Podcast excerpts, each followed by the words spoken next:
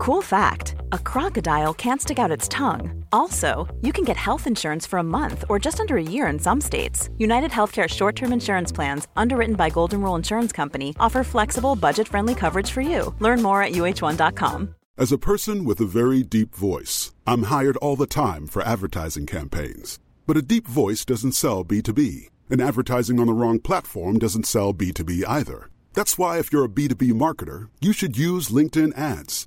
LinkedIn has the targeting capabilities to help you reach the world's largest professional audience.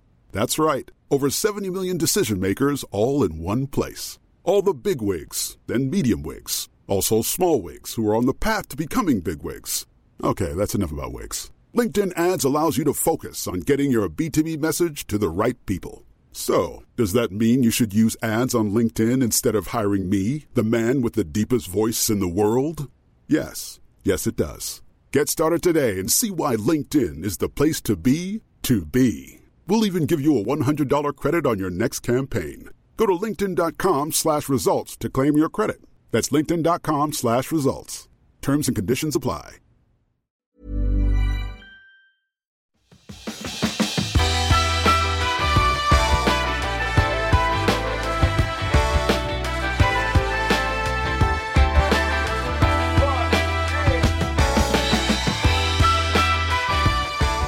Hej och hjärtligt välkommen till Klimakteriepodden med mig, Åsa Melin.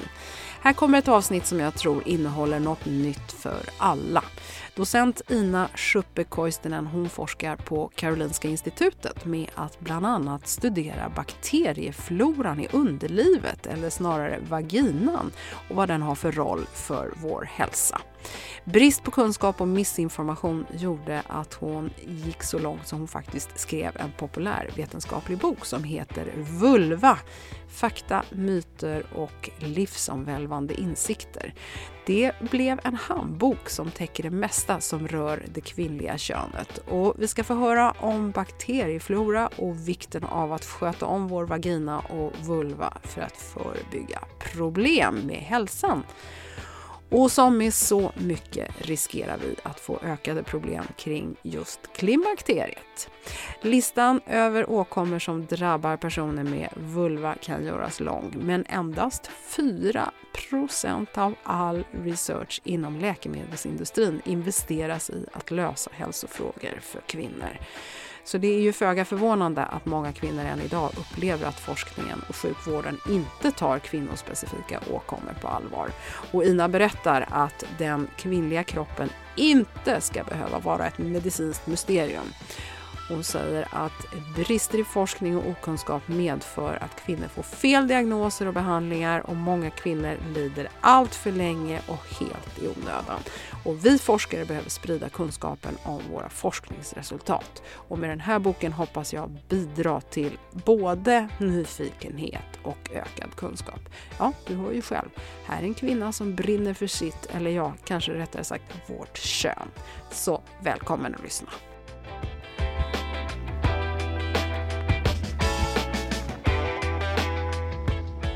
Då så.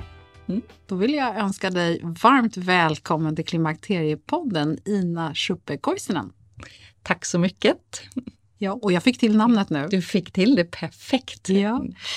Det här är ju lite spännande. Vi, eh, du är forskare och, eh, på Karolinska institutet och vi sitter och så är du konstnär så du har liksom en annan ådra i dig också. Ja, det har jag. Det går fantastiskt bra att kombinera faktiskt ja. eh, i det jobb jag har här på Karolinska. Så jag använder min konst eh, mycket som illustration i föredrag och förklara vetenskap, så att det går alldeles utmärkt. Ja. Mm. Du är docent och så forskar du på det kvinnliga mikrobiomet som det så vackert heter, alltså miljön i underlivet. Och eh, du och jag fick kontakt genom Naomi Flamholk som har granskat, eh, som en del har hört här, hon är ju grundare av Vomni som jobbar med klimakterievård och klimakteriehälsa och hon har granskat din nyutkomna bok som heter Vulva Precis. Så jag lärde känna Naomi då via en vän. Och eh, hon är ju en fantastisk person, väldigt entusiastisk för kvinnohälsa och så är hon ju läkare. Och jag är inte läkare. Jag är medicindoktor, men jag är inte läkare. Jag är eh, cellbiolog och toxikolog i botten. Och eh, så att när jag skrev min bok så det handlar ju väldigt mycket om också kliniska aspekter och hur man behandlar och eh, då tänkte jag att det är ju jätteviktigt att eh, en läkare granskar den här boken. Så att Naomi har varit lite bollplank under hela processen. Och sen har hon varit så vänlig och granskat boken. Och jag har också haft en gynekolog och obstetriker som har granskat boken som andra bedömning då. Mm. Så det känns tryggt att fakta har blivit rätt. Ja, men jag tänker att det är ju otroligt intressant att vi ens ska behöva en bok om vulvan. Och jag tror inte alla som lyssnar på det här vet ens vad vulvan är för någonting. Ja, det, det är faktiskt ganska intressant, ganska skrämmande och någonting där, som jag känner och brinner för. När jag började tänka på den här boken, då handlade det väldigt mycket om mikroberna i vårt underliv och hur de påverkar vår hälsa. Och sen satte jag mig ner och gjorde en slags eh, skiss på innehållsförteckningen. Och så började jag tänka genom de här olika stegen. Jag började med lite anatomi och sen vidare. Och sen började jag tänka att men vi har inte ens ett självklart namn för vårt könsorgan. Alltså ingen man tvekar att han har en penis. Men när kvinnor pratar, då, då får man välja, ska man vara liksom lite barnslig och prata om snippan? Eller så blir det lite fult när man pratar om fitta. Och, och det känns, det är ju det är ju helt orimligt. Om och vi inte då säger man väl mer un Nej men jag tänker man pratar om underlivet men, och det är lite så här Ja men underliv konstigt. är ju allting. Jag menar underliv inkluderar ju alla organ. Det är vulva, det är vagina, det är äggstockar och så vidare. Så att underlivet det är ju en sammanfattning av de kvinnliga reproduktionsorganen. Mm. Så att vi har inget bra ord och så jag ville ju egentligen att boken skulle heta någonting med vaginan och mikrobiom, men sen kom jag fram att den måste heta vulva. Vi ska, vi ska, vi ska veta vad vi ska kalla vårt yttre könsorgan. Ja, men så förklara då, vad innefattar vulvan? Så vulvan är den synliga delen av det kvinnliga könet. Så det är den yttre delen, det är de yttre blygdläpparna, de inre blygdläpparna. Och sen är det ju urinvägsöppningen, klitoris och eh, vaginalöppningen. Så det, hela det där området kallas för vulva. Men, men man går inte upp på liksom könsberget Venusberg, eller Venusberget? Ja, den, den hänger ju på där. Fast det är nog egentligen inte riktigt del av vulvan. Mm. Och sen tar det slut vid eh, analöppningen? Precis. Ja, mm. Okay. Men vi går inte in då? Nej, och det är ju vaginan. Ah, Så okay. mm. går man in i vaginalöppningen då kommer man ju in i vaginan. Men du, du, du forskar ju på mikrobiomet som sitter ja. både innanför och utanför. Ja, vi, vi studerar ju egentligen mest det, de mikrober som är i vaginan, för det är de som har så stor effekt på vår hälsa. Utsidan, alltså vulvan, är ju mera som, om du tänker på munnen, då har man ju också en insida som är jättekänsliga slemhinnor och läpparna kan man ju jämföra då med, med vulvan och det är lite mindre ömtåligt. Och där finns det också massa bakterier, även hudbakterier som vi har på andra ställen på kroppen. Men det är inte riktigt lika känsligt. Det är lite tjockare hud, det är mindre känsligt, men insidan är mera känslig och det är det vi studerar då i samband med eh, att möjlighet att bli gravid eller olika sjukdomar som kan påverka kvinnohälsa. Jag tycker det är superspännande. Nu har jag ju haft förmånen att läsa din bok och eh, det var så mycket jag inte kunde och så mycket som jag inte ens förstod att man faktiskt kunde ha nytta av att förstå som kvinna. Eh, och eh, en sak som jag lite grann fastnade för var ju att det pratas ju så mycket nu om mikrobiomet i tarmen för hälsa och immunförsvar och hur viktigt det är. Hur, hur kan man jämföra vaginans mikrobiom med tarmen? Ja, de, de skiljer sig åt. Eh, vi har ju om man tänker på alla mikrober i vår kropp så har vi en massa av ungefär ett och ett halvt kilo i kroppen. De flesta finns i tarmen. Det är ju som ett eget organ, det lika, väger lika mycket som vår hjärna. Eh, ungefär 10% finns då hos kvinnor i vaginan. Så det är en bråkdel av det vi har i tarmen. Och sen när man tänker på tarmen så tänker vi att ju fler olika bakterier som finns, desto hälsosammare tarmflora har vi. Så det kallar vi då för hög diversitet. I vaginan är det tvärtom. Vi vill gärna ha, eller en frisk vagina har då ett mikrobiom som är bestående av laktobaciller eller mjölksyrebakterier. Och de mjölksyrebakterierna de behövs för att skydda vaginan. Så de sänker pH-värdet så det blir en sur miljö, ungefär 4 pH4. Men de, eh, de producerar väteperoxid, de producerar små molekyler som dödar andra bakterier. De binder väldigt, väldigt tätt till slemhinnan så de sköljs inte bort så enkelt. Och de är vårt första försvar mot infektioner. För saker, så det är inte sterilt, saker och ting kommer in i vaginan. Mm. Så att det är vårt skydd. Så när vi tänker tarmfloran så tänker vi diversitet är bra, du ska äta jättemånga fermenterade livsmedel och grönsaker med fibrer, bla bla bla. Eh, men vaginan tänker vi att eh, vi vill ha då så lite diversitet som möjligt, vi vill ha massa mjölksyrebakterier. Men sen nästa frågan är ju, hur kommer de här mjölksyrebakterierna in i vaginan? För de växer ju ja, vi inte av sig själva. Ja, nej, men precis, vi äter ju inte med underlivet. Nej, på, de flesta vaginan. av oss gör ju inte det. Så det, är ju, det finns en, vi vet idag inte riktigt hur det fungerar. Men eh, vi har till exempel gjort studier där vi har tittat hos friska kvinnor, tagit ett prov från vaginan och sen tagit ett prov från eh, analöppningen med en liten svabb. Och så har vi tagit ett, ett avföringsprov också. Och när vi analyserar de här proverna då ser vi att de laktobaciller som finns i slemhinnan i analöppningen, det är samma som finns i vaginan. Så att av någon anledning transporteras de in i vaginan och det måste finnas signaler som lockar dem dit. Men vi vet idag inte riktigt hur det fungerar. Det kan vara immunsystemet som hjälper till och skjutsar dem dit, men det kan också vara andra former av signaler som gör att laktobacillerna då kommer till vaginan och sen skapar en miljö så de trivs, så att de, de skapar sitt eget ekosystem där. Mm.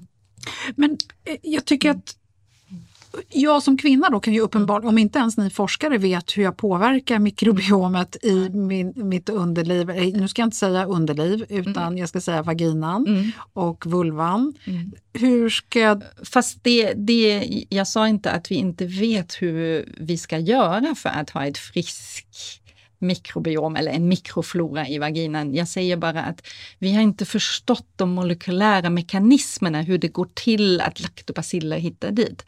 Men egentligen de råd vi kan ge är ju att eh, om man har en, en sund livsstil och eh, äter en kost som är bra för tarmfloran, då främjar man också vaginalfloran. Och sen finns det många, många råd och i boken har jag varit väldigt tydlig med vilka råd man ska ha i huvudet, hur man ska ta hand om sin bakterieflora på ett bra sätt så att den inte utarmas och uttorkas. Och det är ju enkla saker som ni säkert har hört förut. Man ska inte tvätta med tvål. Jätte, jätteviktigt. För de här känsliga slemhinnorna, de torkar ut väldigt fort och sen tar man bort bakterierna som skyddar så blir det både små sprickor och bakterier som inte ska vara där som får fäste. Så inte tvätta med tvål, tvätta med ljummet vatten. Använd en neutral eh, vegetabilisk olja för att återfukta slemhinnorna. Eller om man inte känner sig inte fräsch och bara tvätta med vatten kan man ju tvätta med olja. Så det är jätteviktiga råd. Men, men ljumskarna till exempel, där blir man ju liksom svettig. Ja, man kan ju tvätta med tvål eller Ja, så det sådär, kommer ju komma lite tvål ja. där i alla fall. Ja. Men, det... men inte, alltså en del, och speciellt kvinnor som har problem med en, en obalanserad vaginalflora eller bakteriell vaginos som leder då till ganska dålig lukt. Och då tror man att jag måste tvätta ännu mera. Mm. Men det är inte produktivt utan då tvättar man bara då gör man det bort. Bara man gör det ännu värre. Mm. Så att kom ihåg det här med, med, tvätten och sen det andra är också att det finns ju en hel del produkter som innehåller parfym. Och en del kvinnor tycker att man ska skölja vaginan med både rengöringsmedel eller parfymerade vätskor. Och det ska man ju absolut inte göra. Alltså vaginan är ju fantastiskt i sig själv för att vi bildar ett sekret hela tiden som rinner ut. Och det där, så det är en självrengörande del av kroppen vi ska inte behöva. Den är gjord för att tåla grymma saker. Alltså den tål blod varje månad. Den tål sex och penetration. Det kan ju gå ganska vilt till och bli ganska kladdigt. Och föda barn som är ju minst sagt påfrestande även för vaginan. Den tål väldigt mycket, men den klarar sig bäst själv. Så men då måste vi komma in på kvinnan Mm. i klimakteriet för då har ju kanske den här sekretionen, den har minskat, man börjar Ja. bli torrare, man känner behov av att tillföra glidmedel, man kanske känner behov av att eh, ta ett lokalt östrogen. Alltså det, det, då händer ju någonting. Det kan ju inte vara meningen att, att vaginan ska skrumpna ihop. Nej, och det är ju, det är ju typiska klimakteriesymptom, torra slemhinnor och eh, ömhet. Det blir också en del infektioner och det är direkt kopplat till en förändring av vaginalfloran. För när man har lägre halter av östrogen, östrogen driver mycket att epitelcellerna eller slemhinnecellerna växer till. De producerar något som kallas för glykogen, det är en konstigt ihopsatt sockerart som är den bästa näringen för laktobacillerna. Och när det blir mindre av det i samband med lägre östrogenhalter, då blir det färre laktobaciller och andra bakterier tar över. Och det förvärrar så att säga de här torra slemhinnorna och leder till mera problem. Och eh, det bästa vi kan göra är ju faktiskt att tillföra lokalt östrogen eller överhuvudtaget se till att och, ja, inte tvätta bort och så vidare. Så att det, det, det är känsligt och det påverkas. Men för att vara riktigt ärlig så finns det väldigt, väldigt få studier. Jag har försökt att slå upp det och eh, titta på kvinnor som är i menopaus eller har passerat menopaus. Och det finns bara ett fåtal studier gjorda i hela världen. Det är ingen som har tittat på det. Vår forskargrupp gör ju det, men vi har inte så väldigt många resultat. Men vi ser en, vi har en stor studie som vi har gjort i samarbete med sjukhuset, eller Akademiska sjukhuset i Uppsala. Och där har vi samlat på kvinnor som kommer till cellprov och där har vi kvinnor från 23 till 65 års åldern. Och där ser vi ju att mängden laktobaciller blir mindre när kvinnor blir äldre och speciellt då när de har passerat klimakteriet. Men det, för mig låter det som att man vill tillföra, inte kanske östrogenet i första hand, utan man skulle vilja Ja. hälla in yoghurt eller något. Ja, problemet, och det är jag också, jag, försöker vara väldigt pedagogisk i boken, så då förklarar jag varför är det så viktigt att vi tillför rätt sorter av bakterier. För laktobaciller eller mjölksyrebakterier, de finns i alla olika stammar kallar vi dem, de i vår klassificering inom, inom medicinen. Och då betyder det att de har lite olika funktioner. De producerar lite olika mängder, till exempel av mjölksyra eller annat som dödar andra bakterier. Och de kan skilja sig väldigt mycket. Och alla de som finns att köpa, de här, det finns ju tamponger med bakterier och sådär, de innehåller eh, laktobaciller som inte finns i vaginan. Så det är ett problem. Vi skulle jättegärna rekommendera en produkt, men den produkten finns inte. Nej. Inte någonstans. Okej, så och vi här- håller på att utveckla det, men det här kommer ju ta lite mera tid. Så att, Mm. om jag hör dig rätt då, så det bästa man kan göra för att hålla vaginan frisk det är att äta en sund varierad kost. För har man bra tarmflora då spiller det över. Även Mm. Precis. om man ska Mm. vara försiktig så man inte torkar sig Ja. så att ändtarmens bakterier kommer till vaginan eller vulvan. Mm. Och sen så ska man se till att är man torr, har man de här små sprickorna och så vidare, då ska man ta ett lokalt östrogen för östrogenet i sig främjar mikroflora. Precis. Mikrofloran. Precis. Och när det gäller eh, dieten eh, så kan vi ju försöka äta mycket probiotisk mat utan att jag tänker på kosttillskott, men jag tänker på mat som är, då innehåller fermenterade livsmedel. Och det är ju framförallt då yoghurt, kefir och sådana kombucha och, och sådana livsmedel. Surkål och. Surkål, kimchi och så vidare. Så göra det till en vana, för de innehåller enorma mängder laktobaciller. Och vi har, en- jag äter till exempel kefir varje morgon som jag har som en egen liten kultur hemma. Lite nördigt, jag förstår. Men, men eh, har, vi har då på skoj eh, mätt vilka bakterier som finns i den här kefirkulturen här på vårt labb. Och det var över 500 olika arter av bakterier. Plus svampar som är gästsvampar som är nyttiga. Så kefir Så är att bättre det- än det går- yoghurt då? Ja, det kan det vara. Det är, det är färre bakteriestammar i yoghurt. Men, men det är bättre än att ta ett litet tillskott av 0,2 gram av någon laktobacillsort som ändå inte finns i vaginan. Så det här med mångfald är ju bra och även när man tänker på maten. Då. Mm. Okej. Du, jag tänker på det här med hårväxten också, bara innan vi går vidare. hur ska man göra? Det är ju så populärt att raka sig, att man ska vara Brazilian wax och allt vad det nu heter för någonting. Vad, vad säger du om det? Alltså lyckas man och inte har problem så är det väl okej. Okay. Men jag tror det är ganska många kvinnor som får såna här hårstrån som växer inåt och så får de värsta bulorna. Det är inte så snyggt med röda prickar. Det är ganska lätt att få infektioner. Och det där håret har ju faktiskt en funktion. Den, den skyddar ju oss.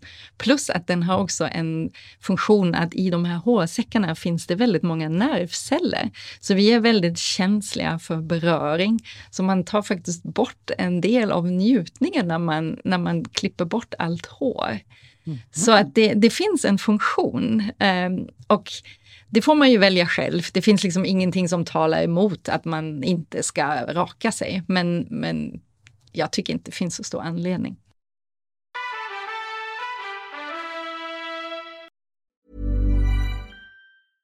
Cool fact a crocodile can't stick out its tongue. Also, you can get health insurance for a month or just under a year in some states. United Healthcare short term insurance plans, underwritten by Golden Rule Insurance Company, offer flexible, budget friendly coverage for you. Learn more at uh1.com.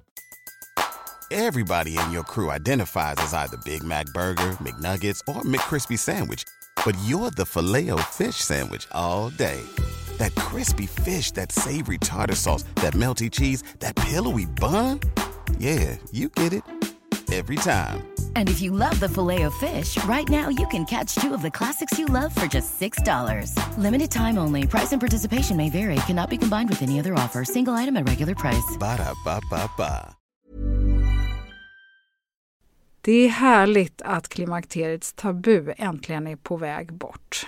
Vill man försöka klara sig utan hormonbehandling så finns nu många nya kosttillskott som lovar bland annat hormonell balans och som ska stötta brister. Jag vill lyfta min räddare i nöden, femarell. Det har inte bara varit min utan många andra kvinnors räddning i över 20 år. Och med lång tid på marknaden, med nöjda användare, dessutom med 20 forskningsstudier så vågar jag säga att det kan vara en god idé att prova femarell. Femarel finns på apoteken och i hälsokostbutiker. Tack Femarel som varit min samarbetspartner i många år.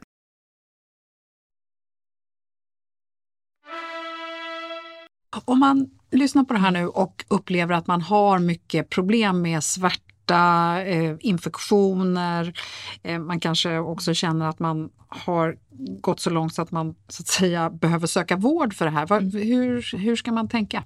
Ja, alltså, ja, det är också en, en del av budskapet från boken att vara tydlig på när ska du söka vård och när ska du känna att du kan klara dig själv. För att vi kvinnor är ju rätt intrimmade på det där att bita ihop. Och vi har ju lärt oss det från väldigt, väldigt unga år. Att ja, ja, ja, det gör ont att ha mens, det är bara att bita ihop, det är så att vara kvinna och så vidare. Och det är samma med klimakteriet också, att vi bara biter ihop, vi pratar inte om det, vi låtsas som ingenting. Men så ska det ju absolut inte vara. Alltså har man en bakteriell vaginos som 30 procent av alla kvinnor i fertil ålder har någon gång i livet och, även, och det är ännu vanligare bland kvinnor som är i klimakteriet och efter. Då måste man söka vård.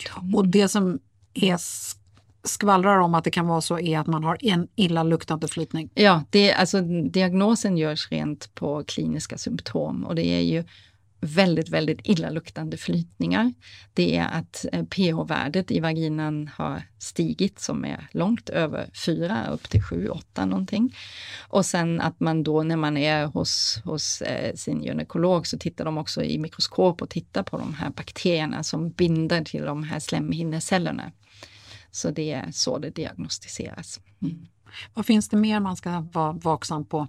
Alltså, jag tänker framför allt på olika smärttillstånd och där tror jag att det är väldigt, väldigt svårt att få bra vård. Speciellt om man inte bor nära en vulvamottagning. Det finns ju några stycken, men det är inte alls så att det täcker hela landet. Och det är ju, det första är ju det här med menssmärtor som kan vara väldigt, väldigt kraftiga, kan vara ett tidigt tecken på endometrios. Och där har vi ju nu, i statistik vet vi att det tar 8 till 9 år innan kvinnor får den diagnosen. Och det är ett väldigt allvarligt tillstånd med inflammatorisk sjukdom i bukhålan som kan leda till infertilitet och man kan väl kort säga bara det när livmoderslemhinnan växer på andra ställen än Precis, just ja. i livmodern. Och det är, det är drivet av, av könshormoner och menscykeln.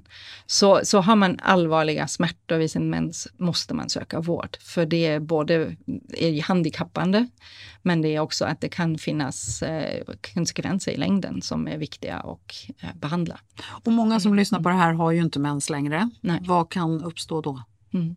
Andra, andra former av vulvasmärta eh, och det är ju med torra slemhinnor. Eh, det är också, det är ingenting man ska bara bita ihop och stå ut med utan eh, sök vård för det. Mm. Och eh, om det inte räcker med bara återfukta med olja eller ta något eh, östrogenkräm man kan köpa på apoteket. Jag tänker också på, mm. man pratar ju ibland om att eh, vaginan så att säga kan krympa ihop och nästan mm. så att säga bli ja, men, man kan skoja och säga use it or lose it, men alltså det är inte så kul för alla att höra. Nej. Alltså jag tycker det är ganska svårt att, att, ha en, en väldigt bestämd åsikt om det där, men det är ju Alltså har man ont och det är inte skönt, det är klart man inte vill ha sex. Alltså det, men då kan man ju, och sen finns det ju många andra skäl för kvinnor i vår ålder. Det är kanske att partnern inte riktigt hänger med eller att det, man inte har en partner. Alltså det finns ju massa andra skäl också. Så jag tycker man ska liksom inte vara rädd för, oj nu har jag inte haft penetrerande sex på två år, nu är det kört. Så ska man ju absolut inte tänka. Och det går ju att träna och det går ju att återställa väldigt, väldigt mycket. Men om man, om man har besvär och ont så ska man helt enkelt inte bara stå ut utan man ska söka vård och hjälp. Mm. Mm. Vad mer kan vara värt att nämna när det gäller underlivssmärtor och problematik? Det finns ju också en del autoimmuna sjukdomar som kan leda till klåda och hudförändringar eh, i vulva och kring analöppningen. Och en av de här sjukdomarna är ju lichen sclerosus som också kan komma upp tidigt i livet men är vanligast efter menopaus. Och det är alltså en autoimmun sjukdom där huden blir irriterad och det är lite mera som eksem, så det blir sprickor i huden. I början blir den lite tunnare, det är som vitaktiga fläckar. Och sen med tiden blir huden som, som ärrbildning och ganska sträv. Så det, det är viktigt att behandla, så får man ändå behandling så slipper man den här ärrbildningen. Så det, det är ett en sjukdom som, som jag tänker på. Sen finns det naturligtvis många, många andra tillstånd som om man har genomgått operationer, strålning och det kan förlossningsskador som har hängt kvar sedan väldigt många år. Så det finns ju mycket, mycket annat. Men huvudbudskapet är ju att du ska inte behöva stå ut och lida och bita ihop, utan sök hjälp och hitta en läkare som du har förtroende för, som verkligen tar sig tid och tar sig an din smärta. Mm. Mm, jättebra. Mm det här med vården då av vulvan, för jag tänker på, förutom det vi pratade nu om det här med tvålen, och, eller icke-tvålen snarare, och eh, det här med lokalt östrogen, finns det någonting annat, hårväxten, men finns det något annat när, när det gäller kläder och liksom sådana här saker? För det, det, finns så mycket myter kring det. Det, det finns, finns väldigt mycket myter och jag har faktiskt, nu bläddrar jag hemligt i boken, ja. jag har då... Samma... Den är väldigt vacker boken ska jag lägga till. Tack! Eh, jag har ju sammanfattat då på slutet eh, ett slags faktablad som jag kallar då för vulvavård att komma ihåg-listan. Och det är ju både de här råden om hur man ska tvätta sig och att man inte ska skölja vaginan, att man ska torka sig framifrån och bak, det har ni ju alla hört. Men sen också det här med använda luftiga kläder och trosor av silke eller bomull som inte sitter åt för hårt. Och det är ju, man måste ju alltid tänka, har man inga besvär, jättebra, då behöver man inte tänka på det och kan gå runt med sina spetstrosor och vara nöjd. Men har man besvär så kan det vara någonting som bidrar till att upprätthålla de här besvären. Så, så det kan vara ett tips och sova utan trosor för att eh, få lufta undvika tvål, parfym, bakteriedödande produkter. En del använder såna här babyservetter. Det är också väldigt, det ska man inte göra helt enkelt, för det både döda bakterier och torka ut. Att inte använda sköljmedel och sen komma ihåg att det bästa skyddet för vulvan är ju fukt, luft och östrogen. Mm. Okay. Ja, men vad bra. Och, och, då är jag nyfiken på då, när man skriver en sån här bok som eh, du har gjort. Du har bestämt dig för att göra en populärvetenskaplig bok och du är då dessutom konstnär så du har ju gjort fantastiskt vackra illustrationer. Eh, I, precis i början på boken så får man se hur väldigt olika vi kan se ut. Jättefascinerande att se hur olika vulvor kan se ut. De flesta av oss har ju inte studerat så många andra än Nej, egen. Men du har ju sett många genom, genom din forskning tänker jag. Men men eh, vad, vad, liksom, vad fick dig att göra det här? Och du har ju ett eget klimakterium. Vill du liksom dela vad som ja. har bubblat upp? Alltså det finns flera anledningar. En anledning och den första tanken var ju att eh, vi eh, ber ju kvinnor i Sverige att hjälpa oss med vår forskning. Så att vi samlar prover från både vulva, vagina och tarmen och munnen för att mäta just vilka mikrober som finns där.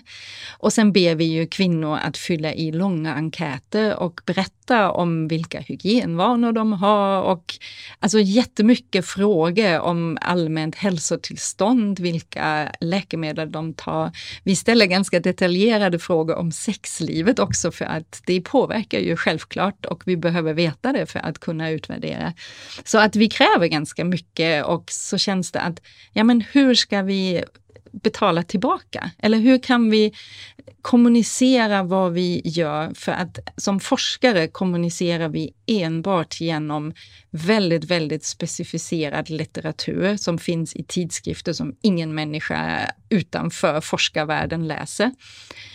Och det är ju ett språk som, som ingen kan ta till sig, som inte är väldigt insatt i området. Och då kände jag, nu har vi då eh, rekryterat till två stora studier, en på kvinnor som lämnar cellprov i Uppsala, som jag sa, det är ungefär 4 000 kvinnor som har svarat på enkäten och 2 000 som har lämnat prover. Och sen har vi en gravidstudie som vi kallar för vår SVEMAMI-studie eller den svenska materiella mikrobiomstudien. Och det är 5 000 kvinnor från hela Sverige som har hjälpt oss. Nu håller vi på att utvärdera proverna och analysera.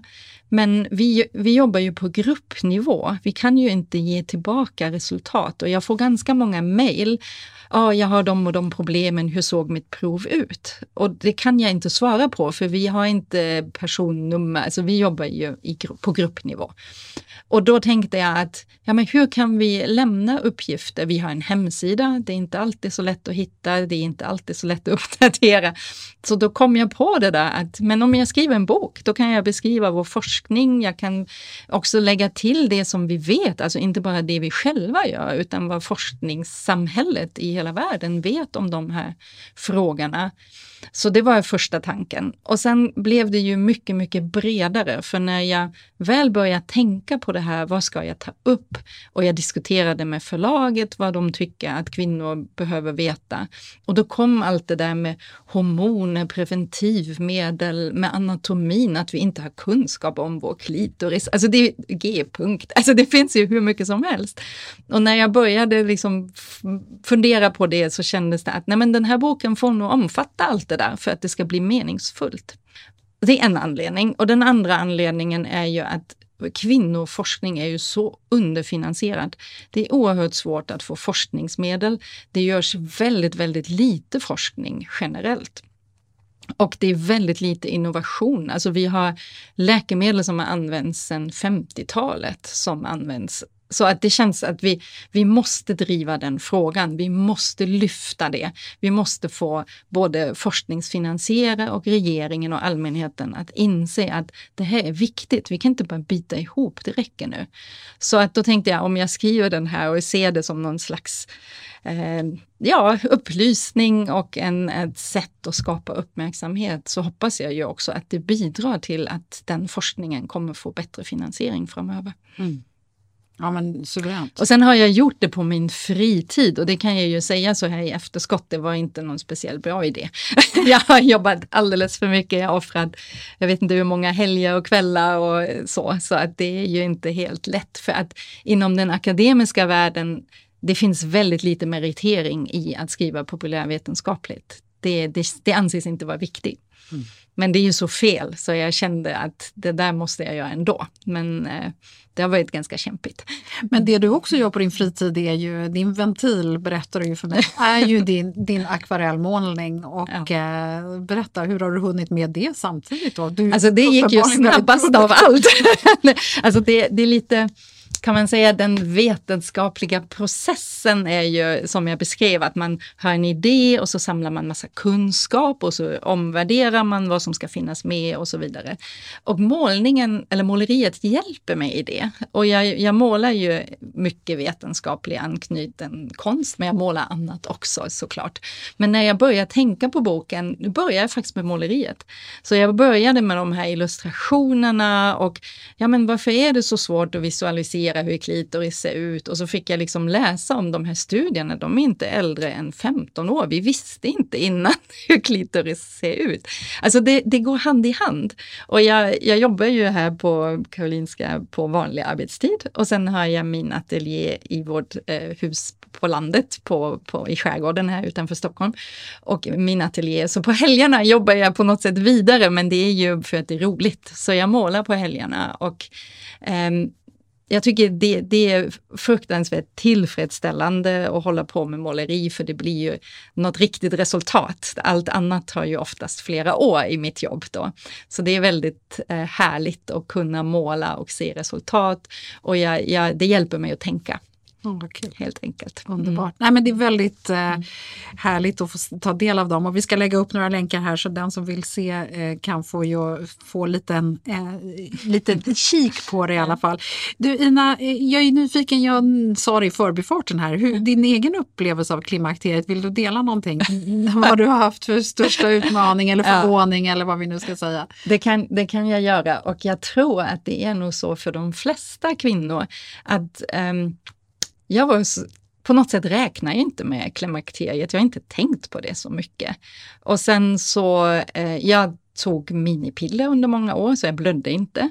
Och det är ju ganska bekvämt. Och sen var jag kanske sådär 48 så tänkte jag att men hur ska jag veta när jag kommer in i klimakteriet när jag inte blöder? Så då frågade jag gynekologen och så sa han ja du kan nog sluta ta de här minipiller för att sannolikheten att du blir gravid är ju ytterst liten. Och då slutade jag med dem och så fick jag tillbaks blödningar och det kändes ju ganska jobbigt.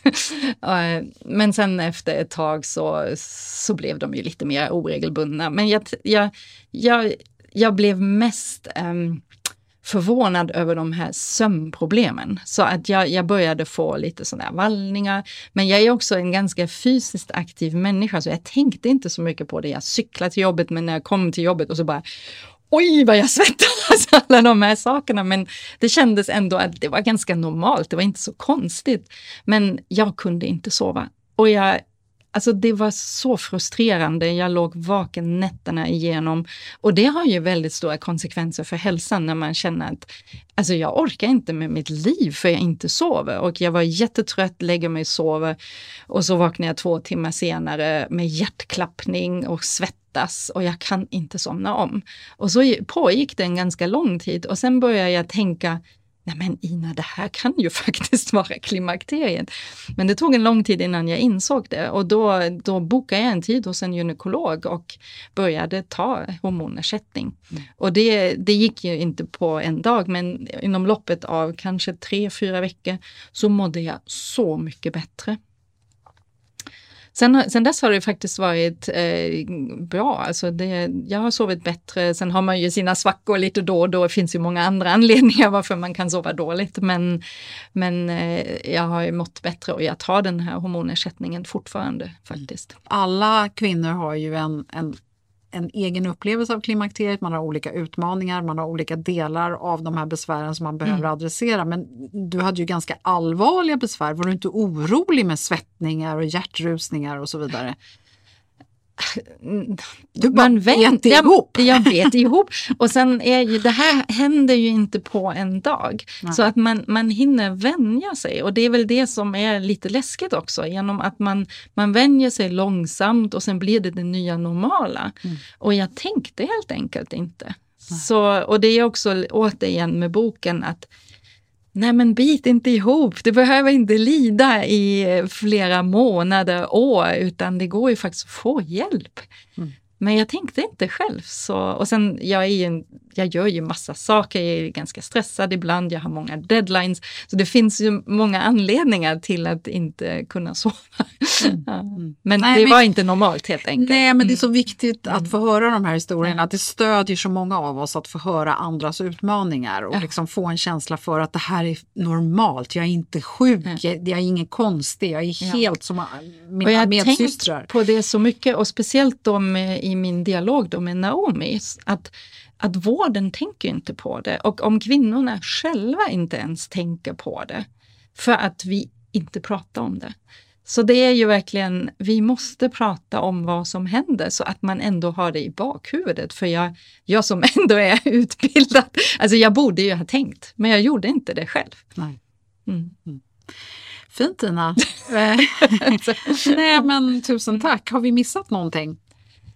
Ja, jag vet inte. Det finns jätte, jättemycket att prata om och eh, jag tror det viktigaste är att vi slutar vara så timida. Alltså vi ska sluta ta ett steg tillbaka, utan vi, vi ska faktiskt kräva både mera forskning, mera innovation, men också bättre vård och bättre stöd kvinnor emellan. Mm. Så, så tig inte och lid, utan lyft frågan så att vi vi, vi utvecklas till det bättre. Mm.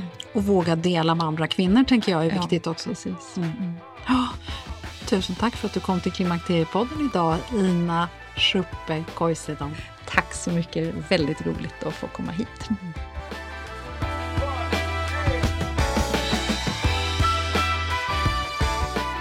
Gå gärna in på klimakteriepodden.se där du hittar länkar till Inas hemsida och där ser du hennes fina konst. Och boken har fantastiska illustrationer och du kan också hitta en länk till boken om du vill läsa mer av den. Och självklart till hennes forskningsprojekt på KI. Vilken passion den här kvinnan har och väldigt karismatisk och varm dessutom.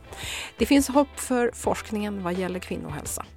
I nästa avsnitt så är det dags att få råd av coachen Tipsar och vi ska ta oss an många aspekter på det här med mörker och jul. Så hoppas du vill hänga med. Och det finns självklart många andra avsnitt som kan vara värda att gå tillbaka till. Och vill du lära dig mer om just underlivet, eller jag kanske borde lära mig att säga vulvan eller vaginan, ja, då rekommenderar jag avsnitt 64 med ikonen Eva Rylander. Hon var en av föregångarna till modern kvinnohälsa inom gynekologi i Sverige. Och avsnitt 73 med Aino Fiano.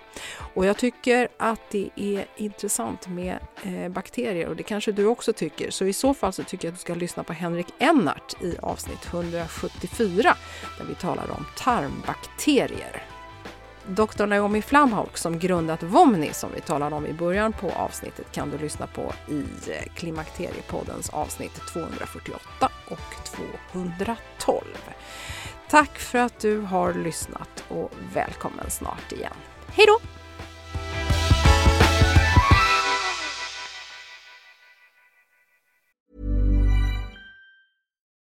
Join us today during the Jeep Celebration event. Right now, get 20% below MSRP for an average of 15178 under MSRP on the purchase of a 2023 Jeep Grand Cherokee Overland 4xE or Summit 4xE. Not compatible with lease offers or with any other consumer incentive offers. 15,178 average based on 20% below average MSRP from all 2023 Grand Cherokee Overland 4xE and Summit 4xE models in dealer stock. Residency restrictions apply. Take retail delivery from dealer stock by 4 1. Jeep is a registered trademark.